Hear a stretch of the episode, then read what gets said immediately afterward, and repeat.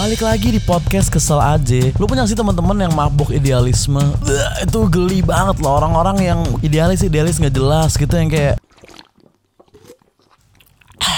gue tuh musisi bro dan gue gak bisa ngeband sama sembarangan orang gitu harus yang sevision sama gue harus yang sesuai sama